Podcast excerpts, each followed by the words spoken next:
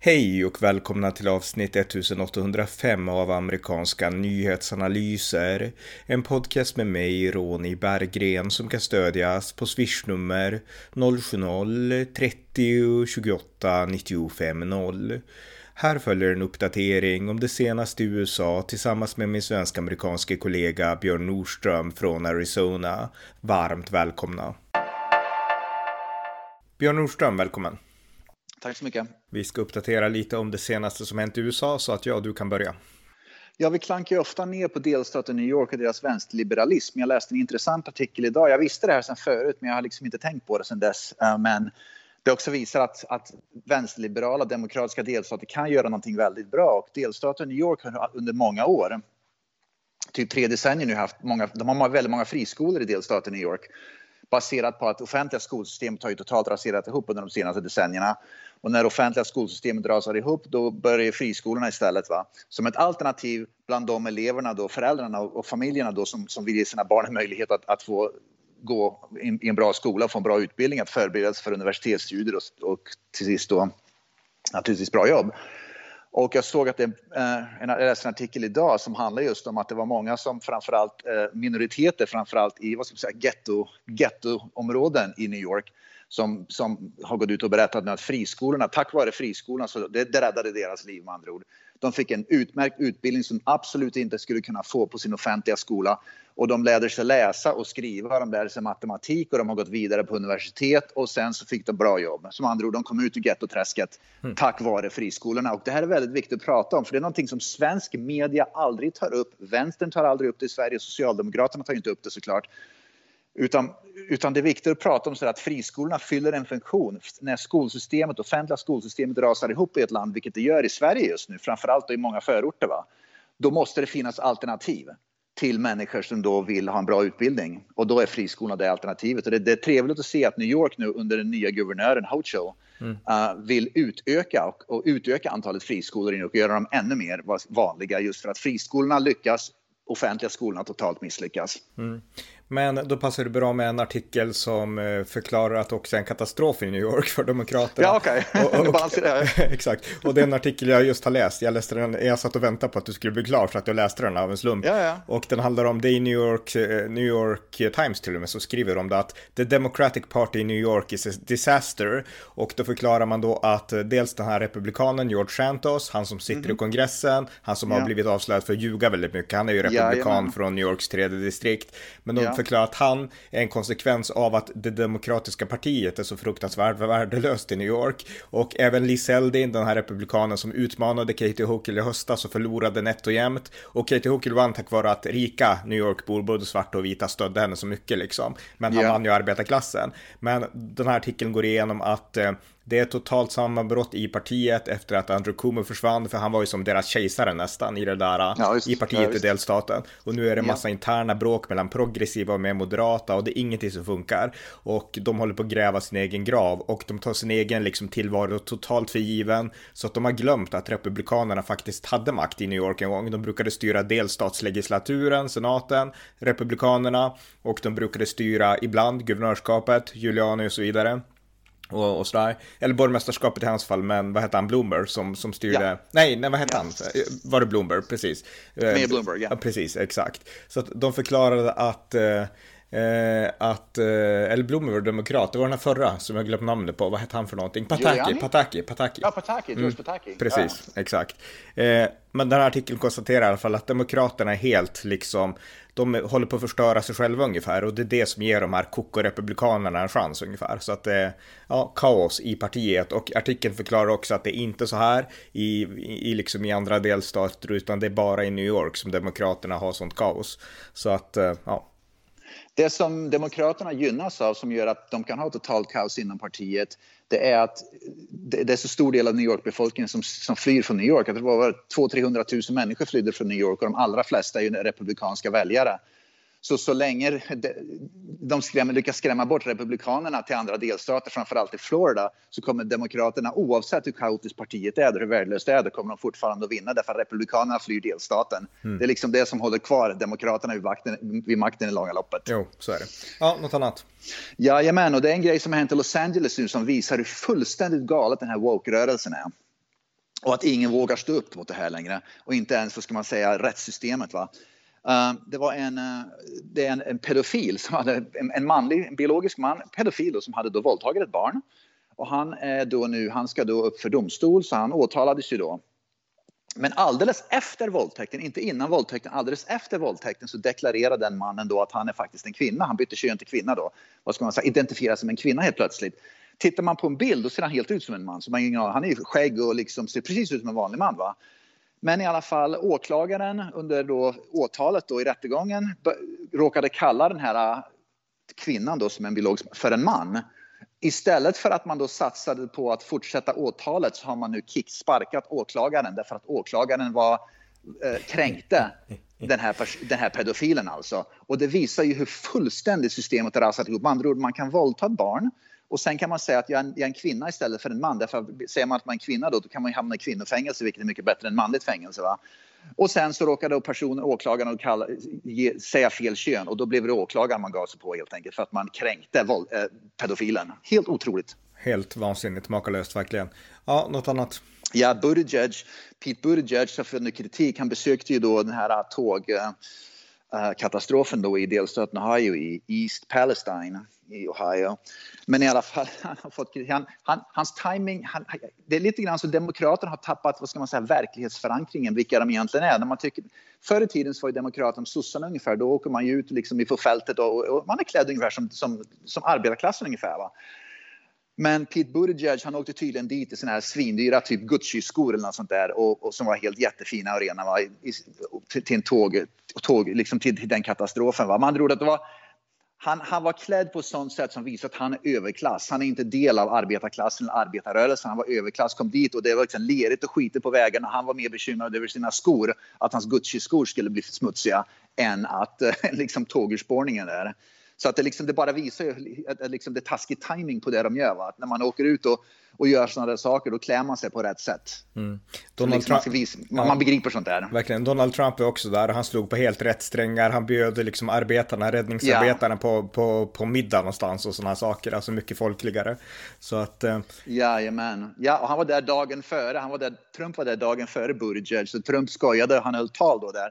Och han skojade med och sa att jaha, nu, nu är jag här och håller ett tal. Nu fick jag just reda på att, att nu, nu kommer Buttigieg komma hit med efter mig. Så att, så att jag ledde mm. vägen. Ja, ja, precis. Och på tal om Buttigieg, jag läste någon artikel, du tog ju upp det här om dagen att Buttigieg hade gnällt på att det var för många vita inom ja, byggarbetarbranschen. Minns du att du sa det? Ja, just det. Just det. Ja, och jag läste en artikel i City Journal nu också innan, innan du ringde och eh, där så konstaterar den artikeln att Buttigieg har helt fel på alla sätt. Det är inte nog med att han då gnäller på alla vita, men han har fått statistiken fel också, därför att det, det är inte så att det är liksom överväldigande övervägande bara vita inom byggindustrin. Utan det här har ändrats otroligt mycket de senaste tio åren. Det kanske var så när han pluggade, vem vet liksom. Ja, Men det står så här att sen 2010 så har andelen vita sjunkit inom byggindustrin från 63 till 52 procent. Och eh, antalet hispanic, hispanics ja. har växt från 20 till 27 procent.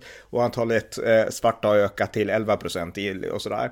Och eh, i jämförelse med liksom hur befolkningen ser ut demografiskt i landet så är det inte så att vita har några liksom fördelar utan tvärtom byggindustrin suktar efter arbetare. Det saknas arbetare i byggindustrin så att vem som helst som vill arbeta får arbete och det är det man ska skriva om snarare att här saknas det folk istället för att hålla på och spela ut ras och sådana saker som Bodic gör. Så att inte bara att det var ett korkat förslag från början, han fick även statistiken fel. Jajamän, och um, Uh, tittar man här till exempel i Arizona, jag menar, det är säkert New Mexico och Kalifornien med. Jag törs påstå att 90 procent av byggarbetarna här, jag, menar, jag åker förbi byggarbetsplatser titt som tätt för de är ju precis överallt här. Mm. Det är 90 procent latinamerikaner. Mm. Så att jag tror att han inte har någon pejl på läget ute i verkligheten och det vet vi att han, Buttigieg har ju aldrig besökt Arizona till exempel, i alla fall inte i sin roll som, som minister då. Och säkert inte New Mexico eller, eller såna Texas och delstater heller. Va? Så att han bygger nog mycket på som du nämnde, att han har studerat det här för 20 år sedan hur det såg ut nu, men han har ingen aning om hur det ser ut idag i verkligheten. Ute vid gräsrötterna vid verkliga byggarbetsplatser där man faktiskt ska titta på hur det verkligen ser ut bland, bland uppdelningen då. Men överhuvudtaget att man bryr sig om liksom att, att, att man bara springer runt och letar och letar, vad ska man säga, hudfärg när det stora problemet som faktiskt företag, byggföretag här har i USA, det är att hitta arbetskraft överhuvudtaget för att det är en arbetskraftsbrist bland byggföretagen. Det är det som är det stora problemet som Buttigieg borde hjälpa till att göra någonting åt. Men han istället sitter och läser böcker om som är 20 år gamla, hur, hur rasuppdelningen ser ut. Det är helt, prioriteringarna är helt vansinniga alltså. Kan, kan, man se sånt alltså live på gatan också? Bygg, byggföretag som söker jobb, att det står skyltar eller annonser? Ja men självklart, okay, herregud, okay. det vet ju alla om. Och sen dessutom, det är, liksom, det är snacket på gatan, alla vet ju om det. Okay. det är liksom, går man in på social media så är det bara fråga. Jag är ju med i en massa såna social mediegrupper som till exempel ja, i Arizona, lokalstaden jag bor i och allt sånt där. Och så, så är det alltid någon som, någon, folk som ska flytta hit och frågar finns det, vart är det lätt att få jobb? Och det första som folk svarar byggbranschen, hör av dig till det företaget, hör av dig till det företaget så blir du anställd omedelbart. Det liksom är, byggbranschen är liksom det nummer ett grej som alla svarar. Vill du ha jobb, ansök i bygg, byggbranschen för det är fullständig arbetskraftsbrist där. Och i den situationen så håller han på att älta ras, liksom raskvoteringar. Ja, ja. Mm. ja precis, det är helt ja. vansinnigt. Mm. Ja, något mer? Ja, Kamala Harris, hon höll ett tal för ett par dagar sedan. Jag kommer inte ihåg kontexten på det riktigt. Va?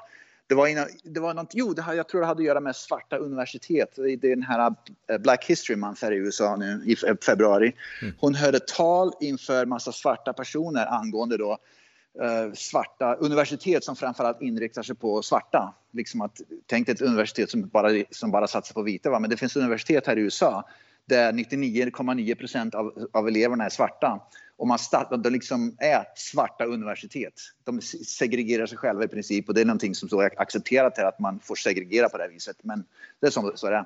Men i alla fall, hon höll ett tal inför eh, ett universitet då, och de flesta i, i eh, flesta av de åhörarna var svarta. Men tydligen så var det ingen, inte ens de, som applåderade när, när Kamala Harris höll sitt tal därför att hon var så tydligen virrig i sitt tal. Så att Kamala Harris staff, hennes då liksom medhjälpare var tvungna att tala om för publiken att nu är det dags att applådera så är det snälla applådera. Så de var tvungna att bli, bli liksom på, påtvingade applåder därför att de, de gjorde det inte frivilligt för de begrep inte vad hon sa. Så det var tydligen en väldigt, väldigt pinsam situation återigen för Kamala Harris. Hon liksom, det var liksom, man kallar det här för en, en ordsallad ungefär. Hon bara babblade på utan att någon begrep vad hon sa. Hon har ju inte, men dels är hon inte svart på riktigt. Hon har ju liksom jamaicanskt påbrå egentligen. Så att hon är inte en del av det svarta communityt. Och hon har inte alls den här personligheten, du vet den här outgoing, liksom karismatiska personligheten som många har. Hon har Precis. inte den, utan hon är ju typ en, alltså en snobb på något sätt känns det ju som. Ja, ja visst, ja. hon är överklass, det bara dånar Ja, men det, och det är så hon uppfattas också skulle jag tro när hon pratar för oh, ja. liksom, studenter och sådär. Så att, ja, visst. Eh, mm. Något annat? Ja, i delstaten Kalifornien i alla fall nu som, om man ska bli läkare. Och det här visar hur fullständigt galet det här är. Och till och med tydligen är det många svarta läkare i Kalifornien då som är väldigt förbaskade på det här. I delstaten Kalifornien, om du är utbildad läkare, du har gått igenom läkarlinjen, du är licensierad läkare, så måste läkare nu genomgå varje år 50 timmar av, vad ska man säga, antirasistträning. Och den bygger på att, träningen bygger på att nummer ett, man ska konstatera att alla vita är rasister och sen nummer två, alla vita är rasister oavsett om du själv tror du är rasist eller om du är rasist eller inte så är du en rasist. Du kan aldrig, du kan aldrig bli fri för din rasism. Det, det, är ju critical race theory i praktiken. Precis är det så. va. Och många svarta läkare går ut nu och, och kritiserar det på många sätt som är skitförbaskade. Så att nummer ett, det bara delar upp raser och hetsar raser mot varandra. Och det säger rakt ut att en vit person är alltid, alltid en rasist. Oavsett vad den egentligen är så är en, en vit person alltid en rasist och är liksom gärningsman och en svart person blir bokstavligen uppmanad att vara livrädd för alla vita personer därför att alla vita personer är rasister i grund och botten oavsett vad de egentligen är. Mm. Det är helt fruktansvärt. Att så den verkliga rasismen som är här, det är ju rasteorin själv som är rasistisk, punkt slut. Mm. Och här behövs det ju politiker, ledare som sätter ner foten och säger att det här är fel. Alltså det är det som skulle behövas, som verkligen bara ja, vågar säga att men det här är, det är Kalifornien där, mm. så det är ingen som törs göra det. Nej. Ja, något mer? En annan grej, vi nämnde ju för ett par, några poddar sedan den här filmen som heter Buzz Lightyear. Det kom ut och det, det var den här Pixar-filmen som kom ut och de hade valt bort då Tim Allen som då är rösten bakom uh, Pixar-filmen eh, uh, Toys, Toy Story. Han är då Buzz Lightyear. De hade valt bort honom för han är konservativ och han kritiserar det här woke-rörelsen och allting så han fick inte vara med i den filmen i alla fall. Men Pixar och de här då som, det är Disney som äger Pixar då. De, och den, den floppade ju då, den, den totalfloppade liksom i biograferna. Det var ingen som ville se den här filmen. Det, det är som att Tim Allen har ju då varit den här rösten bakom Buzz Lightyear i fyra, fem Toy Story-filmer. Så han är ju den legendariska rösten. Då anställer de en annan istället som är woke. Men då vill ju inte folk se filmen därför att det finns bara en Buzz Lightyear och det är Tim Allen bakom den rösten. Va? Mm. Men i alla fall, nu var det så att eh, så den floppade ju helt totalt och istället för att Disney och Pixar gick ut och sa att okej, okay, vi gjorde bort oss vi borde ha anställt Tim Allen. Det de gjorde istället var att de bokstavligen sa att det är publiken som är för dumma i huvudet för att fatta vad filmen gick ut på. Så man skyller på publiken istället för att skylla in, titta sig i spegeln och säga att det var vi som klövat till ett självt. Mm. Så snacka om att inte ta ansvar för ett misstag man gjorde. Ja, verkligen, verkligen. Ja, något annat? Ja, sjukvårdssystemet. Det här, jag förstår inte riktigt varför sjukvårdssystemet i New York, men i alla fall vi pratar om att eh, det liksom New York City överöses ju av migranter och illegala migranter från som Texas skickar upp och de bara kommer väl dit med självmant också kan jag tro. Men i alla fall sjukhussystemet i delstaten, äh, förlåt, i New York City nu betalar 90 miljoner dollar för att husera illegala immigranter på, några, på flera lyxhotell i New York City.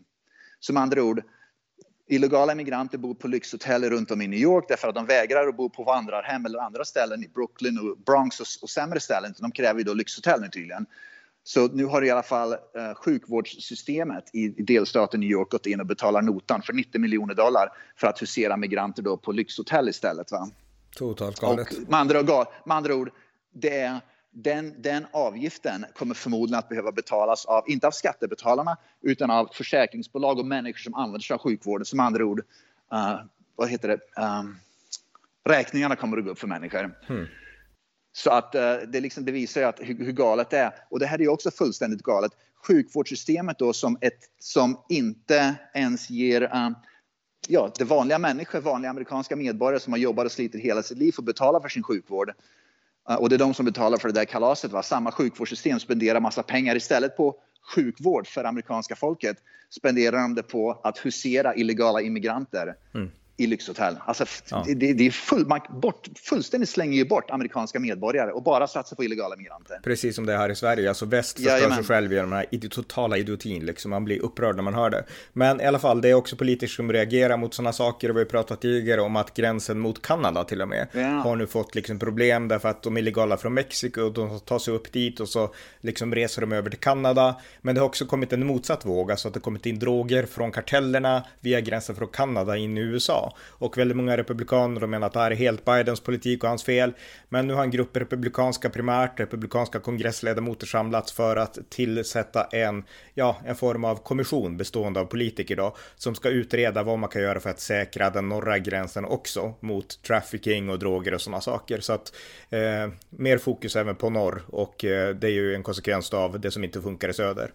Ja, precis. Och det är synd om Kanada som blir liksom, då blir, Kanada blir det verkliga offret för den här totala oförmågan att säkra mexikanska gränsen. Det är så det blir till slut. Kanada får ta smällen. Mm. Ja, något annat? Jajamän, Marianne Williamson, hon var ju då presidentkandidat i förra valet. Hon är en, uh, hon var, hon, jag tror hon blev independent, oberoende till slut. Hon är i alla fall den första utmanaren till Joe Biden nu i alla fall som presidentkandidat. Och det var ju hon som var ganska, hon, hon är liksom, det är hon liksom flummerikandidaten lite grann, ganska rolig att lyssna på. Uh, hon är ganska, det är lite miljöparti över henne ungefär. Men i alla fall, hon är i alla fall en, en utmanare till Joe Biden. Och jag hörde att Jill Biden idag gick ut och sa att Joe Biden är på, på G nu att, att officiellt um, klargöra sin kandidatur för mm. presidentvalet i nästa val. Så att han, han ligger i startblocken nu i alla fall. Så det kommer att bli Joe Biden som blir och det här, är, vi pratade om det förut, det här blir ju ett problem för det demokratiska partiet därför att majoriteten demokrater vill inte se Joe Biden som, uh, som demokraternas egna uh, kandidat. Så det här blir ju ett problem faktiskt. Och man kan ju inte heller bara spola Joe Biden för att han är ju sittande president. Va? Så att uh, det här blir mycket intressant. Det kan sluta med, ärligt talat, med Joe Biden mot Donald Trump igen. Ja. Det är inte helt omöjligt. Nej, nej, verkligen. Ja, något annat? Ja, på tal om Joe Biden i alla fall.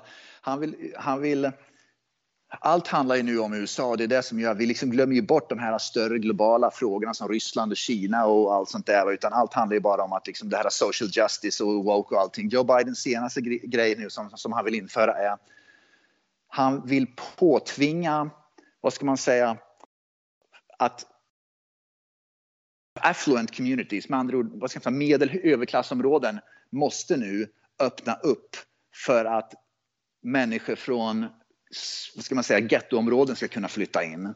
Hur det ska ske rent praktiskt, med andra ord, ett hus som säljs för en miljon dollar, en gated community i ett, vad ska man säga, ett överklassområde, hur en fattig familj som bor i slummen och arbetslösa eller jobbar på McDonalds ska ha råd att köpa det huset, det har jag inte riktigt förstått. Men Joe Biden ska i alla fall försöka nu, vad ska man säga, bussa runt människor, att de ska flytta från gettoområden in till överklassområden nu för att, vad ska man säga, för att det ska bli mer jämlikt vad gäller bostäder. Mm. Och, oavsett då om folk har råd. Jag, jag, vet inte hur det ska fungera i praktiken, för i praktiken nu så, så funkar det inte sådär på riktigt. Va? Men det, det är liksom hans senaste grej. Och jag menar, vi har haft liknande experiment i Sverige där skolbarn, alltså invandrarskolbarn har bussats in i vanliga svenska skolor eller om det var tvärtom. Och föräldrarna har blivit jätteupprörda och sådana saker. Jag menar, det här är ju ett, det här är ett onaturligt sätt att formera sig. Ofta så flyttar man dit man känner här är vi hemma, här är våran ja. grupp. Ehm, och sen så bygger man ett, det man hoppas ska vara ett tryggt samhälle där tillsammans med andra med ungefär samma värderingar liksom. Precis. när man gör så här, det är ju totalt kontraproduktivt. Det är inte bra. Dessutom, jag menar, eh, sannolikt så gör man inte tvärtom det skulle väl inte gå heller, att man bussar in liksom vit medelklass till gettorna. Det är väl ingen som vill det, det är ingen som vill det för sig. Men, men alltså, bara det skulle illustrera hur onaturligt det här egentligen är liksom.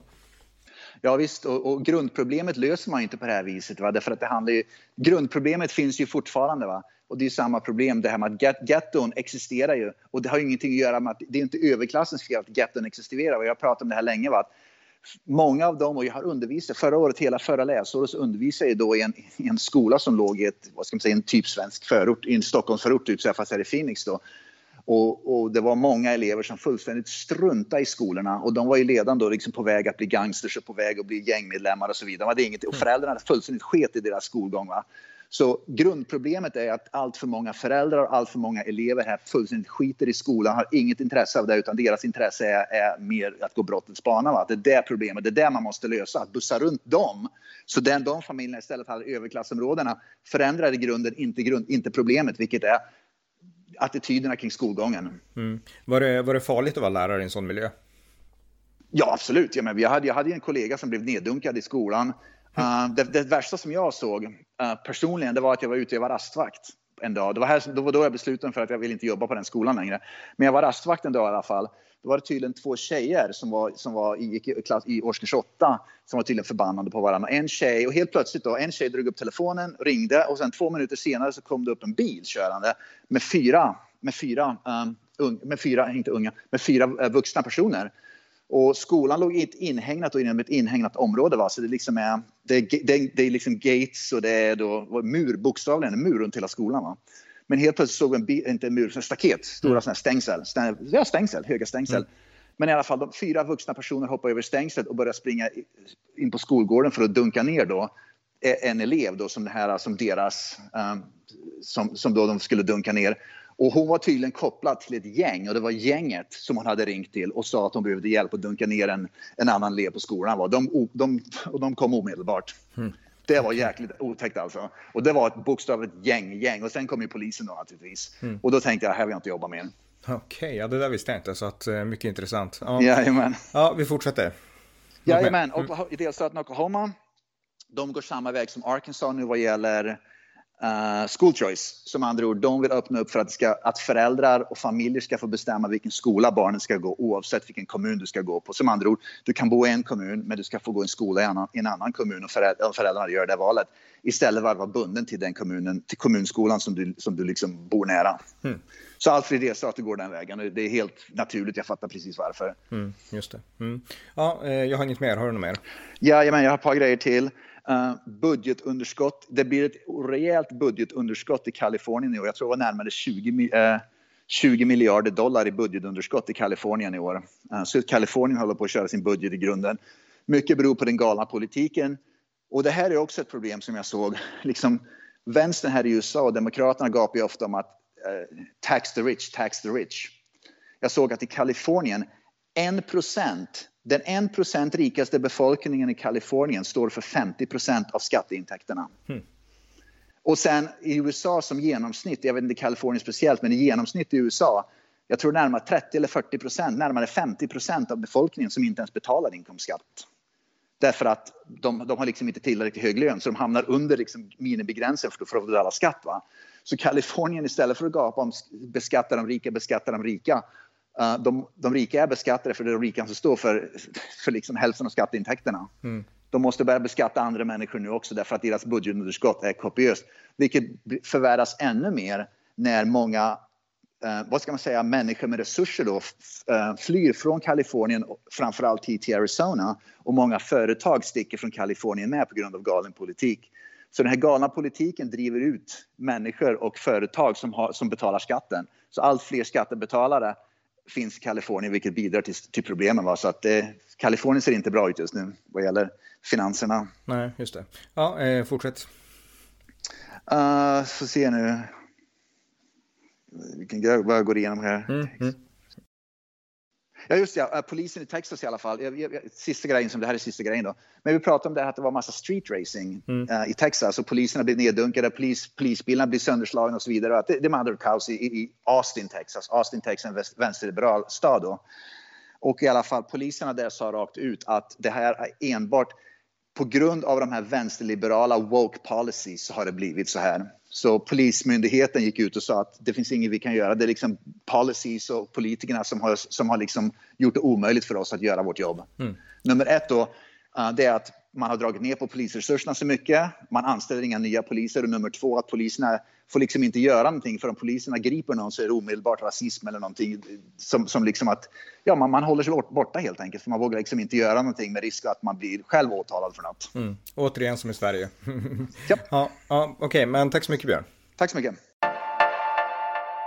Tack för att ni har lyssnat på amerikanska nyhetsanalyser. En podcast som kan stödjas på swishnummer 070-30 28 95 0 eller via hemsidan på Paypal, Patreon eller bankkonto.